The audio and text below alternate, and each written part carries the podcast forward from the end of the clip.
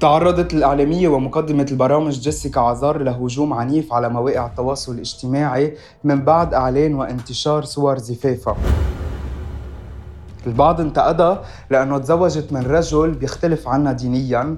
البعض انتقدها لأنه اليوم الوضع مش منيح بالبلد وهي عم تعمل حفل ضخم أي زفاف ضخم بضم فنانين وإعلامية وناس كتار. والبعض الآخر انتقدها لأنه رغم جائحة كورونا المعازيم بيتخطوا 300 شخص وما حدا حاطط كمامة. وجهة نظري ورأيي الشخصي بحياتها الخاصة ما حدا دخله. بدها تتجوز حدا من غير دين من غير جنسية من غير بلد. هي حرة.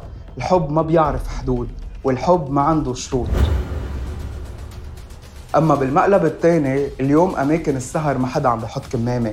والمطاعم مليانة. ما عم يقدروا العالم يلاقوا محل.